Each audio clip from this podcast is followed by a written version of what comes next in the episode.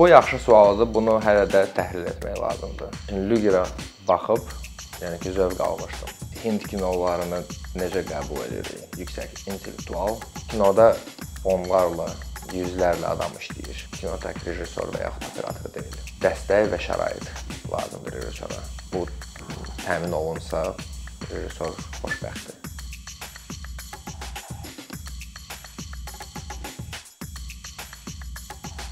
Rüfət, xoş gördük. Mən anlayıram ki, sizin özünüzün işiniz var və o işdən irəli gələn məsuliyyət var. Ona görə o işi qoyaq qırağa. Siz necə istəyərdiniz ki, bizim auditoriya sizi tanısın? Yəni qısa bir təqdimat verə bilərsiniz özünüz haqqında. Rüfət Həsənov, rejissor. Hal-hazırda Mədəniyyət Nazirliyində kinematografiya şöbəsində müdir vəzifəsində çalışıram. Siz e, rejissor olaraq adətən kameraların arxasında siz olursunuz. Hı -hı. E, bir rejissora kameranın önündə olub, stolda oturub müsahibə vermək ya da bu həqiqətən fərqli təcrübədir. Bunu biraz təsvir edə bilərsiniz zəhmət olmasa. İlk dəfə deyil, amma ə, e, mən daha xoşlayıram kameranın o tərəfində olmaq. Nəyə görə? Ə, Çünki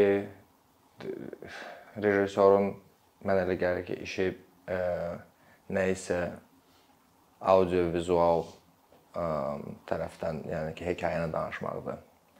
Ə, yaxşı danışa və yaxud yaza bilsəydim, orator və yaxud yazar olardım. Hı -hı. Bu ə, biz bu müsahibədən qabaq aramızda biraz müzakirə olmuşdu Facebookdakı nə haqqda danışaq. Onda razılaşdıq ki, film industriyası haqqında danışacağıq ümumiyyətlə Azərbaycanda. Bu ə, mən belə başa düşürəm ki, film industriyasının keyfiyyətinə təsir edən bir çox amillər var. Bu amillər arasında mənə ən çox maraqlı gələn ə, insanların ümumiyyətlə cəmiyyətin sosial vərdişləri, dünya görüşü, intellektuallıq dərəcəsi, savadlılıq dərəcəsi. Yəni bu tip amillər təsir eləyə bilər. Birincisi mənlə razılaşırsınızmı bu təsbitimlə? İkincisi də ki, əgər razılaşırsınızsa, bunun ümumi təsirin nədən ibarətdir? Necə özünü ifadə edir bu təsir? Hindistanda kino sənayesi var, düzdür? Yəni ki, və dünyanın aparıcı ə, sənayələrindən biridir. Yəni ki, kino sənayələrindən biridir biz Hind kinolarını necə qəbul edirik? Yüksək intellektual və yaxud belə də entertainment cəhətdən hansısa yəni ki, müqayisə olunmaz yəqin bizim üçün Hollywoodla və yaxud Avropa belə art house sineması ilə. Amma bu bir faktdır ki, o sənayedir və sənaye mövcuddur və inkişaf eləyir. Bilmirəm nə qədər mən məhz o baxışla, yəni ki, sizin baxışınızla razıyam. Amma təbii ki, cəmiyyətdə həm yəni ki, bir çox amil var. Sosial, iqtisadi, mədən mədəni amillər var.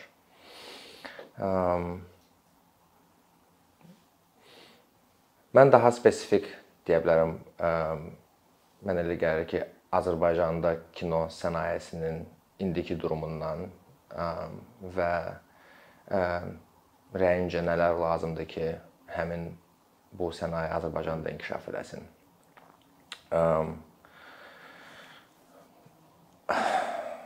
1898-ci il sayılır Azərbaycanda yəni 2 avqust 1898-ci il. Aleksandr Meşon adlı bir fotoqraf. Azərbaycanda Bakıda ilk dəfə bir sıra deməli xronikal videoları, video deyəndə ki, plonkada nümayiş olunan deməli çarxları nümayiş elədi və onların arasında hətta bir bədii komediya janrında səhv eləmirəmsə 1 dəqiqəlik bir süjet də var idi. Və 2 avqust məhz ona görə Azərbaycanda kinemata, yəni ki, milli kino günü sayılır. 1898-ci il 19-cu əsrdir. Yəni ki, biz artıq deyə bilərik ki, 3 3 əsr ərzində Azərbaycanda kinematoqraf mövcuddur. 20-ci illər bəllidir. 20-ci əsr daha doğrusu bəllidir. Bizim məsəl üçün çoxları bunu bilmir, amma səhv eləmirəmsə 1951-ci ildə Sovet Azərbaycanı adlı film Cannes Film Festivalında mükafata layiq oldu. Sənədli film idi, qısa metrajlı sənədli film. Deməli, pambıqçılar haqqında Bəsti Bağırova həmin bu küçədə biz səhv eləmirəmsə indi yerləşirik. İstintaq filmi, yəni ki, SSR ali mükafatını aldı, Gos Premiya SSR. Və bir sıra ciddi nailiyyətlər var idi 20-ci əsrdə və Azərbaycan kinosu belə deyim də öz deməzdim ki, deməzdim ki, ə, məsəl üçün ə, hətta ə, gürcü gürcü kinematoqrafa kimi bir brend yaranmışdı, amma ə, yəni ki, ciddi kino, kinematoqrafçılar, rejissorlar, operatorlar, kino məktəbi var idi. Ə, mənə görə problem yox, boşluq və bu boşluq ə, sırf kinoya aid olan boşluq deyil idi. Deməli, SSR dağılanda və müstəqil Azərbaycan artıq yarananda planlı iqtisadiyyat modeli artıq, yəni ki, belə deyim də SSR ilə bir yerdə dağıldı və öz aktuallığını itirdi və iqtisadiyyat bazar iqtisadi modelinə yəni ki, keçid dövrü oldu. Kinematoqrafda yəni ki, bu sənayedə bu təəssüf ki, baş vermədi. Cəhdlər var idi. Məsəl üçün 90-cı illərdə çox maraqlı bir dövr var idi. 90 hardasa 98-ci, 99-cu ilə kimi deməli Azərbaycan Azərbaycanlı rejissorlar, Azərbaycan filmləri aparıcı beynəlxalq film festivallarında yəni ki, layiqincə təmsil olunurdu. Məsəl üçün Yavər Zayevin Sarı gəlin filmi Karlovar film festivalında mükafata layiq oldu. Rotterdam festivalında iştirak elədi. Vaqif Mustafayevin Hər şey yaxşı ola doğru filmi Oberhausen-da 4 dənə 4 mükafat aldı. Hüseyn Mehdiyevin Özgə vaxt filmi.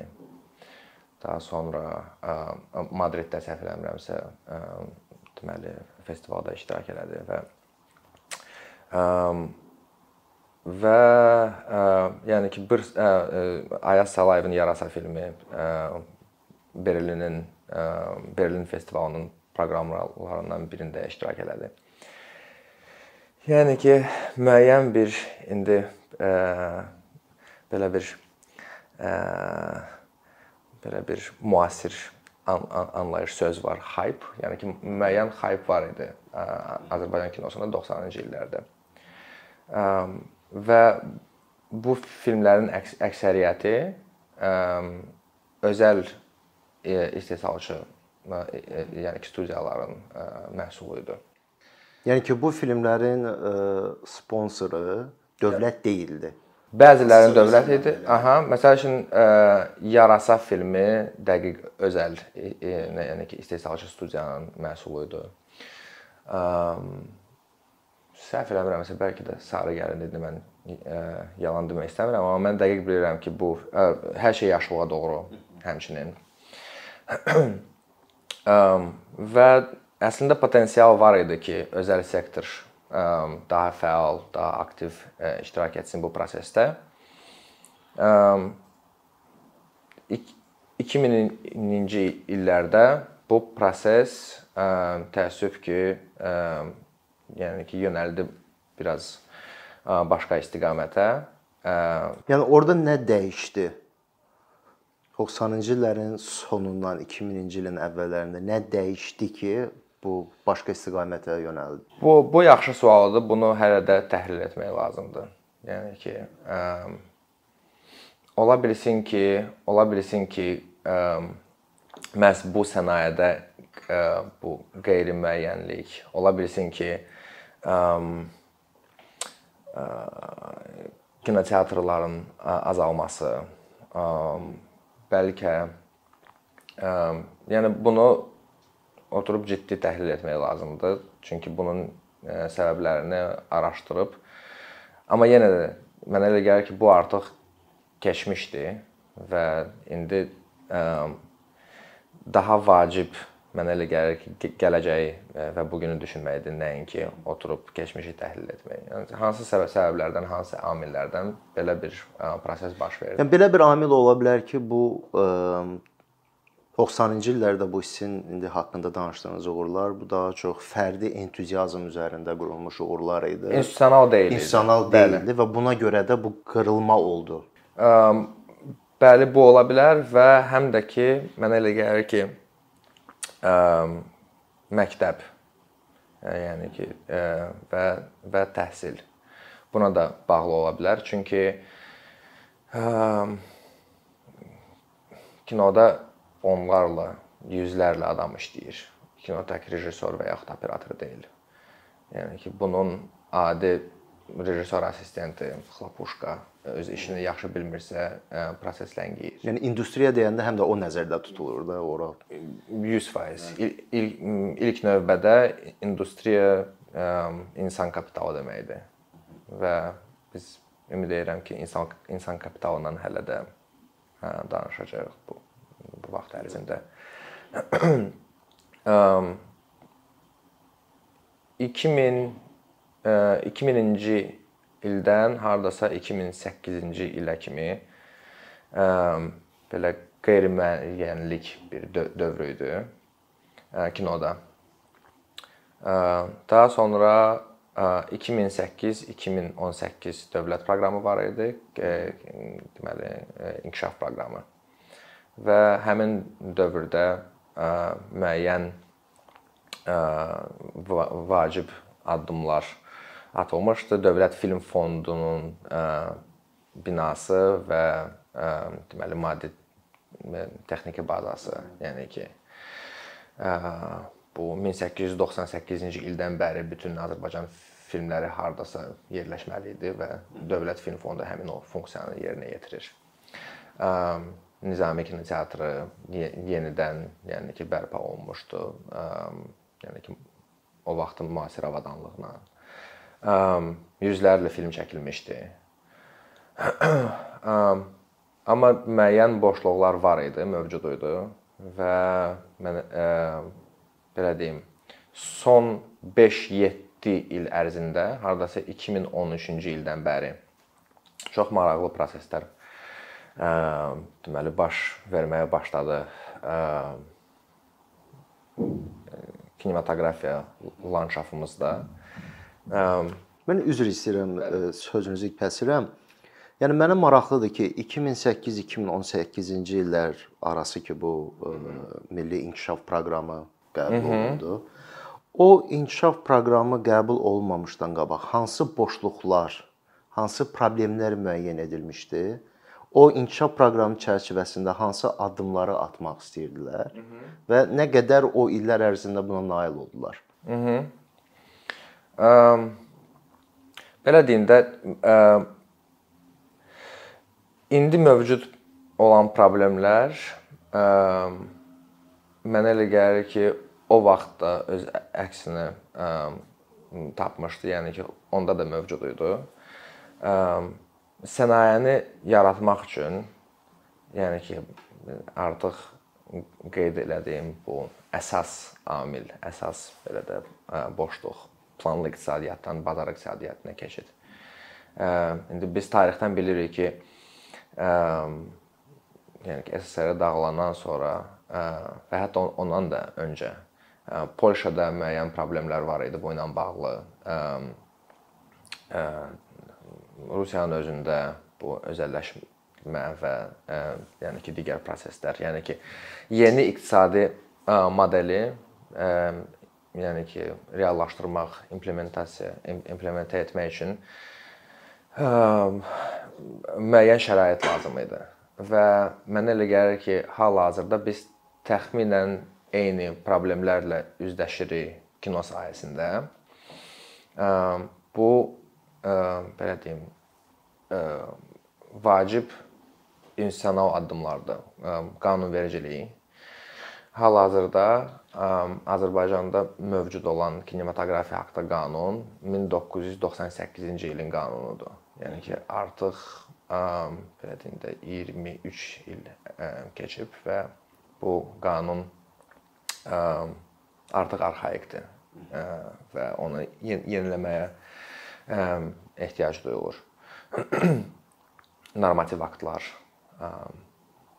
məsələn rejissorların və müəllif qrupunun tutaq ki, qonorarları hələ də köhnə manatla olar yəni ki, hesablanır və konvertasiya olunur.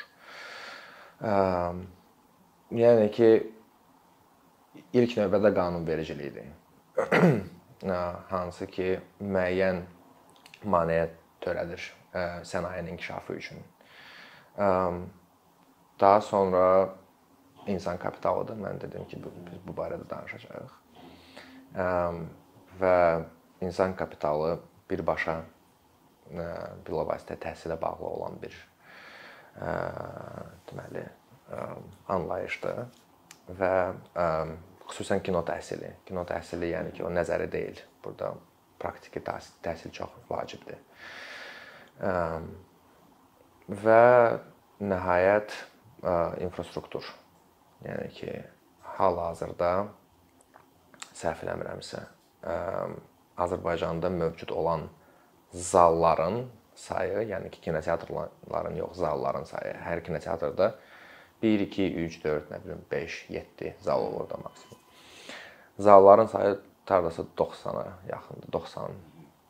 Yəni ki, Azərbaycan üçün 10 milyonluq ölkə üçün bu çox azdır. Çünki belə deyim, kino sənayesi nə deməkdir bu? Bu da bir belə deyim də prosesdir. Tutaq ki,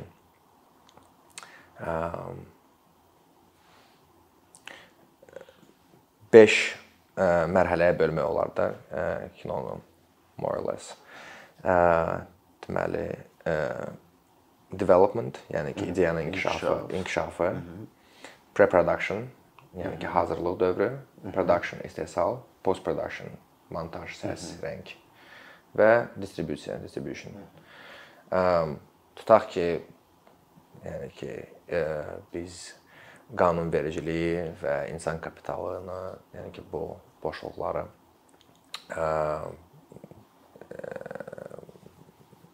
həll etdik. Yaxşı filmlər çəkilir və yəni ki, bunun nəticəsi odur ki, həmin bu məhsulu, bu filmləri yəni ki, auditoriya baxsın və prokat məsələsidir, yəni ki.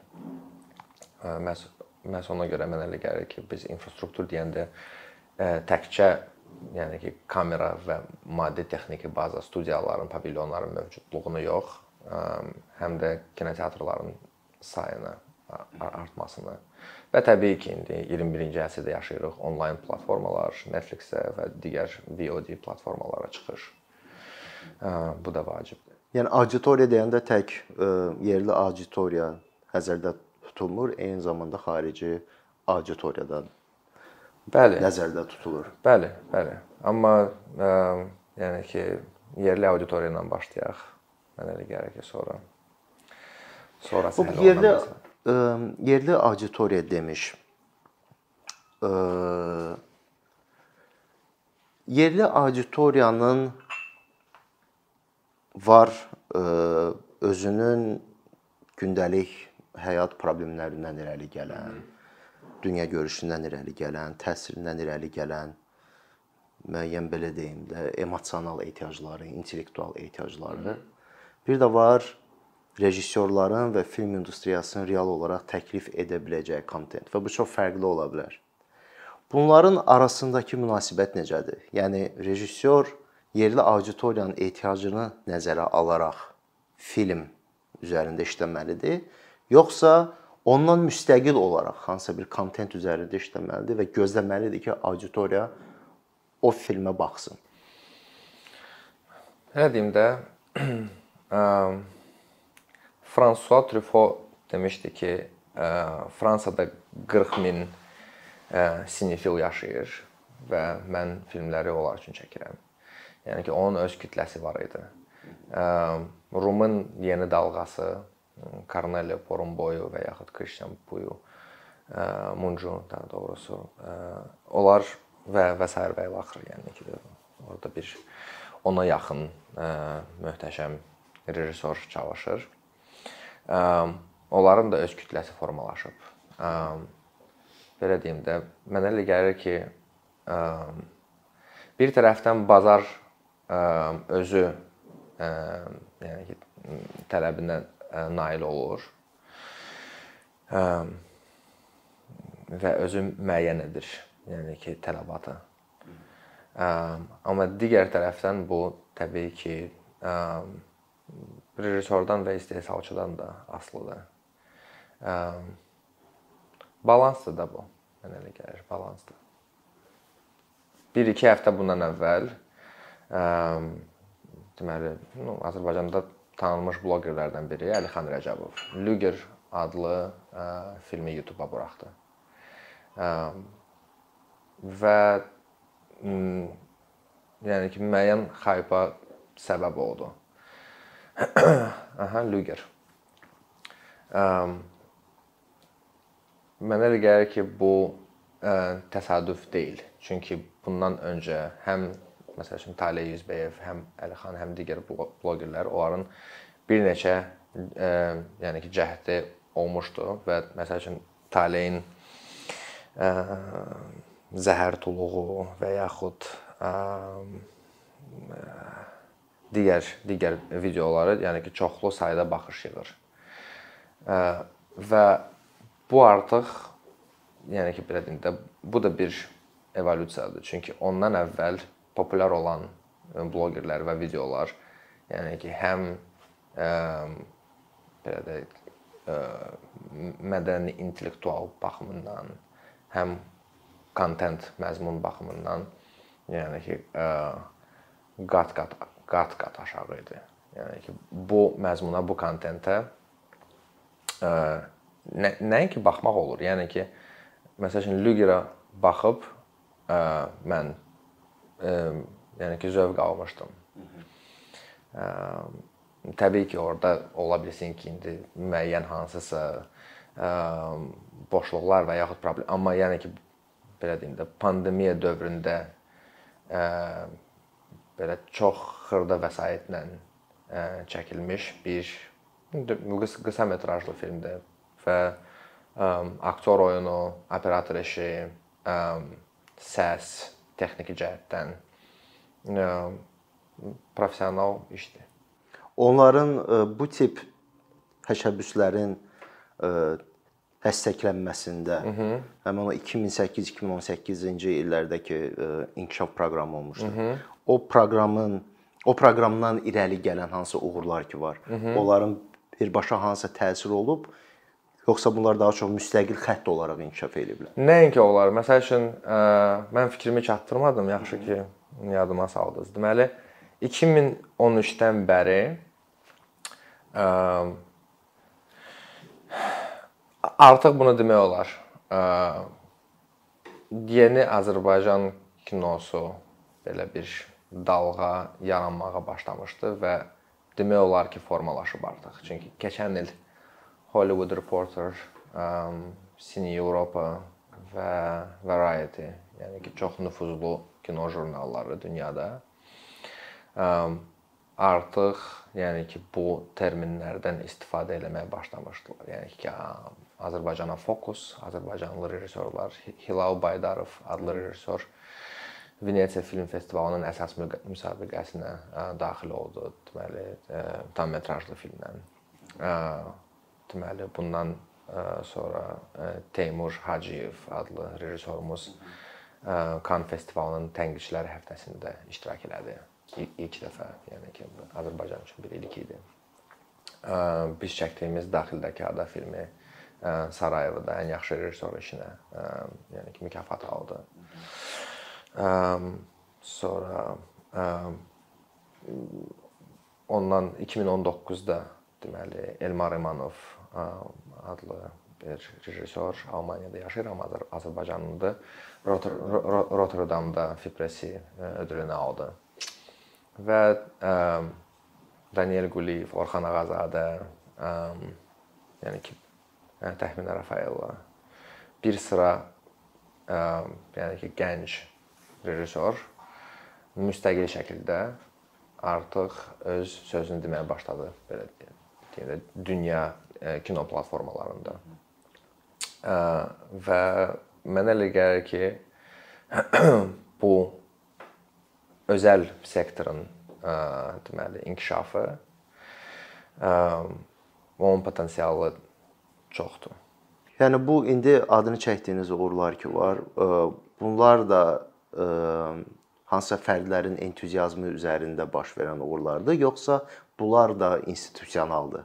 İnstitusional elementləri nə qədər güclüdür ki, davamlılıq olsun. Mənə elə gəlir ki, məhz bu hədəflərimizdən biridir ki, artıq bu mövcud olan, ə, yəni ki, dalğanı institusionallaşdırmaq.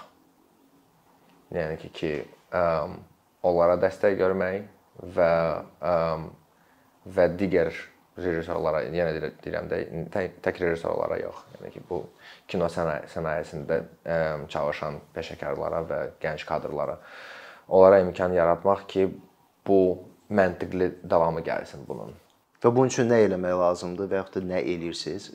De dediyim kimi bu 3 istiqamət qanunvericilik, insan kapitalının inkişafı və infrastrukturun, yəni ki, yenidən qurulması və inkişafı. Yəni bunun üzərində konkret hal-hazırda iş gedir, yoxsa gedir. daha çox irəlidə gözlənilir? Yox, xeyr, gedir. Çünki hal-hazırda bizim iki vacib institusional sənədimiz hazırlanır. Biri Azərbaycan kinematografiyasının konsepsiyasıdır. Yəni ki, yaxın 5-10 il ərzində ə, Azərbaycan kinosu ə, hara getməlidir? Ə, bu sənaye, bu sənayenin istiqaməti nədir? Belə bir sənəd. Ə, və ə, kino agentliyinin yaranması. Ə, və Niyə görə bu zəruridir? Çünki dediyim kimi bu planlı iqtisadiyyatından bazar iqtisadiyyatına keçidi təmin etmək üçün ə, prinsipial yeni xüsusi ə, bir qurum lazımdır. Ə, Avropanın Avropada, yəni ki, demək olar ki, bütün ölkələrində, Gürcüstanda, Qazaxstanda, Özbəkistanda, Rusiyada artıq belə qurum var Gürcüstanda 2010-cu ildən bəri fəaliyyət göstərir. Bizdə təəssüf ki, hələ ki yoxdur və o yəni ki, zəruridir belə bir qurumun olması ki, nəhayət bu keçid baş versin. Siz e, çox maraqlı bir şey dediniz ki, iş, üzərində işlənilən sənədlərdən biri bu e, filmlə bağlı milli baxışın yaradılması. Hı -hı. Bunun özü, yəni ki, mərkəzləşdirilmiş bir milli baxışın olması bu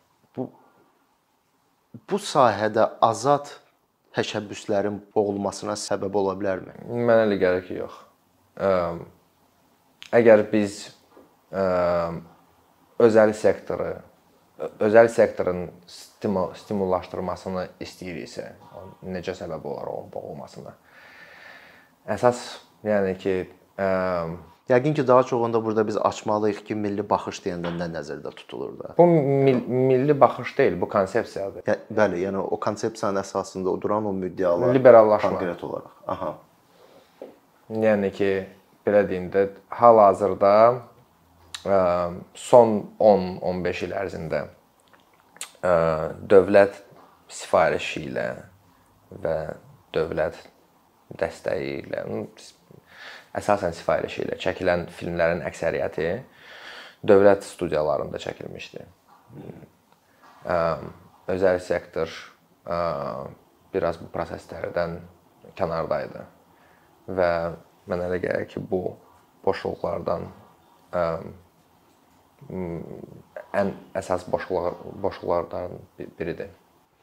Onu mən belə başa düşürəm ki, bu ə, yeni yanaşmanın, bu konsepsiyanın qəbul edilməsi, sonra infrastrukturun tikilməsi bu özəl sektorun irəli qoyduğu uğurların da dayanıqlı olması üçün. Əlbəttə. O infrastruktur və qorunması üçün dayanıqlı olması üçün. Tək mən demədim ki, özəl sektorun bu yəni ki, kino sənayesinin dayanıqlılığını və şəffaflığını təmin edir. Rəqabətliyini təmin edir. Belə deyim də ən ən bəsit nümunə sizə gətirim. Deməli, Avroimaj adlı bir mühüm bir nüfuzlu bir fond var. Avropanın ən böyük film fondu. Və artıq nə bilim bir 10 illərdir ki, Azərbaycan kino ictimaiyyəti bu barədə danışıqlar aparır. Yəni ki, müraciət edir. Deyir ki, bəs niyə görə Azərbaycan hələ də Avroimajın üzvü deyil? Gürcüstan üzvdür, Ermənistan üzvdür. Azərbaycan hələ də üzv deyil. Və bunun səbəbi odur ki, your images yazılır. Avroimaj. Və bunun səbəbi odur ki, mən bu yaxınlarda Avroimajın prezidenti ilə Roberto Ollo ilə danışıqlar aparanda ilk sual o idi ki, sizin Milli Kino Mərkəzinizin adı nədir? Və bizdə o yoxdur. Məhz ona görə həmin bu agentliyi, həmin bu qurumu yaratmaq zəruridir, vacibdir. Yəni önəmli meyarlardan biridir. Biridir. Yəni bu cür meyarlar, yəni ki, çoxdur. Və siz e, indiyənə kimi bütün ifadə etdiyiniz fikirlər mən belə başa düşdüm ki, daha çox kino sahəsində e, iş görən bir məmurun və eyni zamanda yaradıcı insanın, dövlət qulluqçusunun. Hə, dövlət qulluqçusunun dövlətə qulluq edirik. Bəli. Dövlət qulluqçusunun perspektivindən danışdınız. Yəni konkret özünüz burada hansısa bir rolunuz var və bu işi görürsüz. Siz eyni zamanda həm də rejissorsunuz. Siz rejissor tərəfə e, düşünəndə, rejissorun yerinə özünüzü qoyanda hal-hazırda biraz tənqidi yanaşsaz, nəyin yavaş, nəyin ə, düzgün getmədiyini qeyd edərsiniz bu bu proseslə bağlı? Əslində həm dövlət qulluqçusu kimi, həm rejissor kimi istəklərim eynidir. Yəni ki, belə deyim, rejissora nə lazımdır? Rejissora lazımdır ki, o öz layihəsinin reallaşması ona lazımdır. Yəni ki, öz rejissor film çəkmək istəyir. Film çəkmək üçün yəni ki, dəstək və şərait lazımdır rejissora və bu təmin olunsa rejissor xoşbəxtdir. Və məhz ona görə ilk öncə dediyim kimi bu institusional şəkildə bu şəraiti yaratmaq lazımdır ki, rejissorlar normal şəkildə fəaliyyət göstərə bilsinlər. Nələr? Okay qaldı sualınıza. Belə deyim də 10, 15 illər 98-ci ildən bəri dediyim kimi. Yəni ki, kino qanunu ə, bir dəfə də olsun, yəni ki, dəyişməyib. Ə, 60-cı illərin ortasından səhv eləmirəmsə, Azərbaycan film studiyasında bir dəfə də olsun, yəni ki, remont ə, bərpa işləri gör görülməyib. Necə bunlarla bağlı indiyənə kimi təşəbbüslər olmayıb, hansısa ictimai layihələr, kampaniyalar? Mənə elə gəlir ki, ə, olmağına olub, ə, olmağına olub, amma ə, bu da mənə elə gəlir ki, həmin bu biz insan kapitalı deyəndə biz bunu da nəzərə ə, almalıyıq ki, ə, kino ictimaiyyəti də ə, bu məsələlərdə mənə elə gəlir ki, daha ə, həmrəy bəlkə olmalı idi. Ə, bunu da təhlil etmək lazımdır. Yəni ki, dediyim kimi biz indi daha çox ə, bu günü və sabahı düşünürük və bu institusional dəyişikliklərin üzərində işləyirik ki, biz necə sürətləndirə bilərik bu bu prosesləri. Çünki yenə deyirəm 98-ci ildə qəbul olunan kino qanunu əgər 23 il ərzində dəyişiklik olmayıbsa, yəni ki, 3 ay ərzində bunu dəyişmək qeyri-mümkündür. Bu da bir növ kino prosesi kimidir. Ə, bizdə deməli kino kinoda belə bir anlayış var ki, nə qədər ə, pre-production, yəni ki, hazırlıq dövründə sən yaxşı hazırlıq görürsənsə, o qədər istehsalda rahat gedəcək işin. Biz indi demək olar ki, həmin bu pre-production, yəni ki, hazırlıq dövrünün sonuna yaxınlaşırıq və istehsala keçməliyik. Bir də burada ə, belə bir analogiya. Bir də məsələni açmaq istəyərdim. Bu konkret qanunvericiliyin dəyişməsi prosesini, onu bir dənə təsvir edə bilərsiniz. Siz nazirlik olaraq hansısa bir sənəd üzərində, qanun layihəsi üzərində işləyirsiniz, onu təqdim edirsiniz Milli Məclisə. Milli Məclisdə komitə oxunuşundan keçir, ondan sonra qanun olaraq qəbul olunur. Bu cürdür proses yoxsa təxminən tə, təxminən daha nüanslı, təxminən daha nüanslı, tə, tə, təxminən budur. Yəni ki, belə ümumi şəkildə budur.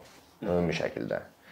Ə, və bundan əlavə məsəl üçün ə, normativ aktlar var, hansı ki, Nazirlər Kabinetinə gedir. Ə, belə deyim də, ə, əslində əslində bu bu proses ə, niyə görə indi önəmlidir və vacibdir? Çünki ə, biz məsəl üçün son 3 ay ərzində ə, ola bilsin ki, Deməzdim ki, ilk dəfə, amma amma çoxdan belə bir təşəbbüs yox idi. E, deməli Azərbaycan e, kinematoqrafçılar İttifaqı, Azərbaycan Respublikası Kinematoqrafçılar İttifaqı bizdə 2 dənə ittifaq mövcuddur. E, professional kino rejissorlar gildiyası, e, özəl sektor nümayəndələri, e, kinoda öz sözünü demiş, yəni ki, e, mütəxəssislər bizim 2 dəfə Zoom-da konfransımız oldu və fikir mübadiləsi apardıq məhz konsepsiya ilə bağlı. Və bu da çox vacib bir mesaj idi.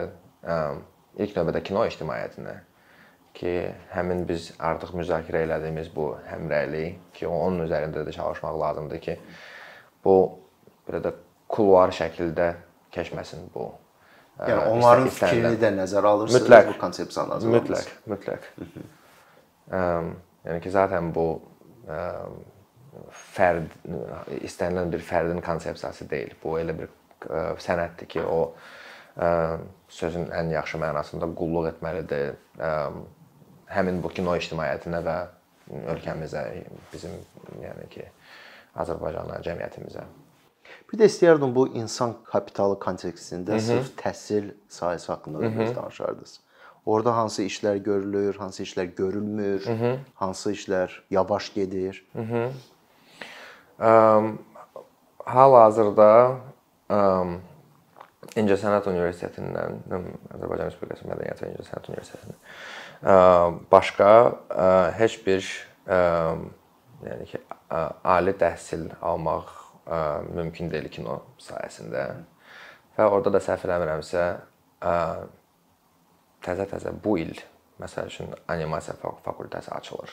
Yəni ki bu cür vacib istiqamət institusional şəkildə yoxdur məsəl üçün.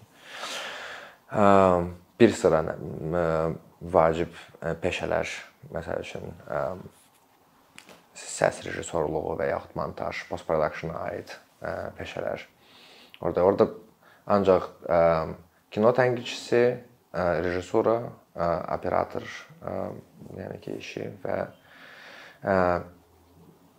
bir sıra digər yəni ki, istiqamətlər üzrə ali təhsil almaq olar və məhduddur da, yəni ki, ə, ə,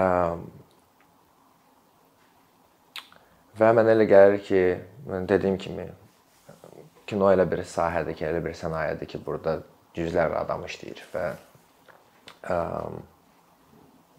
böyük ehtiyac var məhz praktiki hansı master klasslarda bəlkə, bəlkə ə, yay məktəblərində, bəlkə qısa müddətli hansı ə, tədris proqramlarında. Keçən il biz debüt studiyası nəzdində Interact adlı düzdür pandemiyaya görə bu onlayn şəkildə keçdi. Təlim tədris kursunu deməli təklif elədik. Təmənnasız 500-dən artıq dinləyici, tələbə qoşulmuşdu həmin bu sessiyalara. Andrey Zvyagintsev-dən tutmuş Son of Soul ə, adlı filmin hansı ki Oskar mükafatına layiq oldu onun operatoruna kimi. Yəni ki 9 dünyada tanınmış yəni ki məşhur, nüfuzlu peşəkar mütəxəssis həmin bu interakt proqramı çərçivəsində ə, təlim tədris dərs verdi və məsəl üçün biz planlaşdırırıq ki, bu təşəbbüsü davam edək və indi ə, çox inanırıq ki, yaxın zamanlarda pandemiya bitəndən sonra bu ə, normal şəkildə, yəni ki, ə, fiziki ə, deməli event kimi davamını tapar. Və ümumiyyətlə ə, bizim belə bir planımız var ki, biz onu planlaşdırırıq ki, yaxın zamanlarda praktiki təlim, tədris keçək. Və bu insan kapitalı boşluğunu biraz da olsa, yəni ki, biz onun üzərində işləyək. Rüfət, bəs bu bu qədər mən görürəm ki, skop çox genişdir səviyyədə bəli, skop çox Hı -hı. genişdir. İstər-istəməz adamda belə bir sual yaranır ki, bu işlərin keyfiyyətinin monitorinqin necə aparılacaq, necə ölçüləcək Hı -hı. ki, ya ə, yəni ki, layihənin ortasında, bu işlərin ortasında müəyyən dəyişiklik eləyə bilərsən, Hı -hı. müəyyən ə, müəyyən məsələləri dəyişəsən. Bununla bağlı vəziyyət nə yerdədir? Özünüzün monitorinq və qiymətləndirmə prosesiniz varmı? Sonra ictimaiyyətin özünün bu işləri qiymətləndirməsi və monitorinqi imkanı varmı? Təbii ki, bizim daxili KPI-larımız var. Amma yenə deyirəm, ə, müasir və məntiqli şəkildə bu işləri aparmaq üçün bizə bu ə, yeni qurum lazımdır. Ə, artıq adını da biz fikirləşmişik. Arka. Çünki həm kinoya aid olan bir ə, termindir. Dramaturji arka məsəl üçün. Ə, Azərbaycan Respublikası ə, kino agentliyi. Ə, və bu ə, mənə elə gəlir ki, bu xüsusiləşmiş ə, qurum imkan verəcək ki, həm bu ə, monitorinq daha ə, yəni ki, məntiqli şəkildə aparılsın. Çünki belə deyim də Mədəniyyət Nazirliyinin kinematografiya şöbəsindən bütün kino prosesini, Azərbaycanda baş verən prosesi idarə etmək və monitorinq etmək və ə, biraz ə, çətin bir prosesdir. Ə, məhz ə, belə deyim də müasir dövrün tələbləri var. Və dediyim kimi, Avropanın əksər ölkələrində, yəni ki, qonşu ölkələrdə artıq belə bir qurum var və fəaliyyət göstərir və onun nəticələri də gözümüzün qabağındadır. Yəni ki, Gürcüstanın kinoya ayrılan büdcəsi məhduddur. Amma son 10 il ərzində Sundance-dən tutmuş, hətta Oskar nominasiyası nominasiyaları var. Gürcü kinematografçıların. Orada inkişaf özünü yəni ki, ən müsbət tərəfdən göstərir. Rüfət, son olaraq bir sualım da var, ondan sonra artıq müsahibəni yekunlaşdıra bilərik. Mhm. Cəmiyyətdə olan azadlıqlarla bu film sahəsi arasında əlaqə necədir? Məsələn,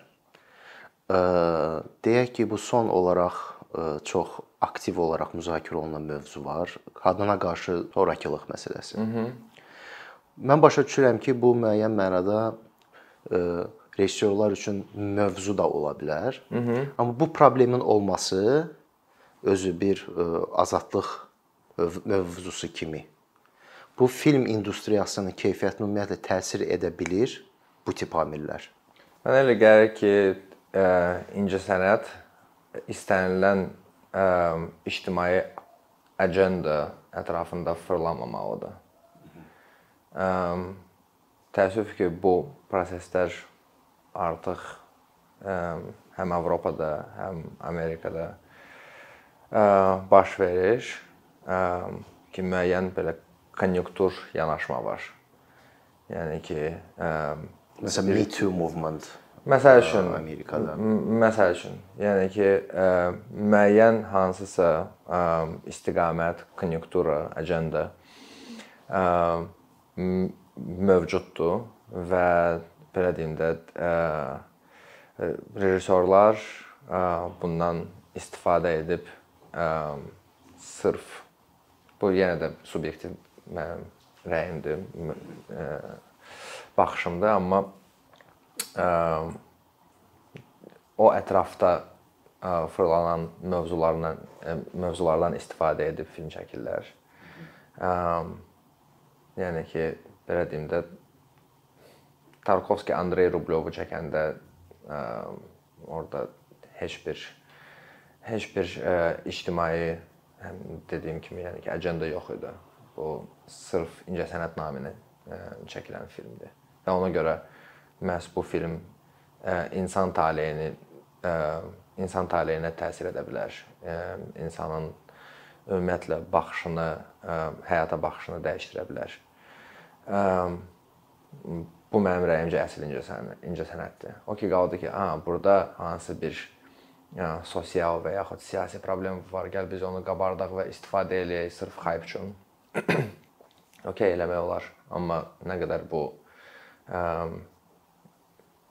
belə deyim də səmimi incəsənətdir, mənim şübhəm var. Ə, o ki qaldı belə deyim də ə,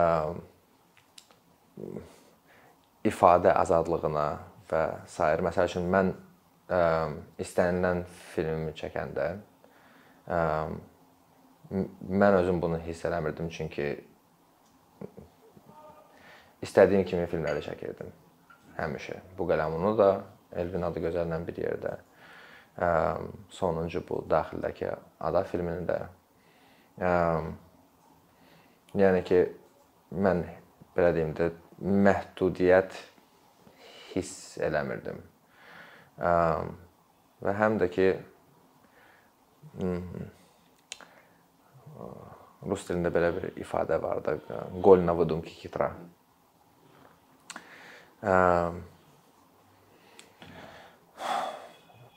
Biz ə, film sənayesinin liberallaşmasından danışanda həmin bu proses həm yəni ki iqtisadiyyatda baş verir, yəni istənilən sahədə baş verir. Çünki bu da çox orqanik şəkildə baş verir. Ə, ümid edirəm və inanıram ki, ə, kino sahəsində də bu öz əksini tapacaq. Rüfət minnətdaram gəldiyiniz üçün. Çox sağ ol. Çox sağ olun. Sağ ol. Əkinçinin yeni videoları haqqında məlumatlı olmaq üçün kanalımıza abunə olmağı və xəbərdarlıq funksiyasını aktivləşdirməyi unutmayın. Bununla bərabər gördüyümüz işlərin davamlı olmasını istəyirsinizsə, bizim patronların sırasına qoşulmağınızı rica edirik. Əkinçinin Patreon icmasının üzvü olaraq siz bizim təşəbbüsə dəstək göstərməklə bərabər hazırladığımız materialları hər kəsdən öncə izləmə imkanı əldə edəcəksiniz. İmkandan istifadə edərək cari patronlarımıza işlərimizi davam etməyə yardım olduqları üçün dərin təşəkkürümüzü bildiririk.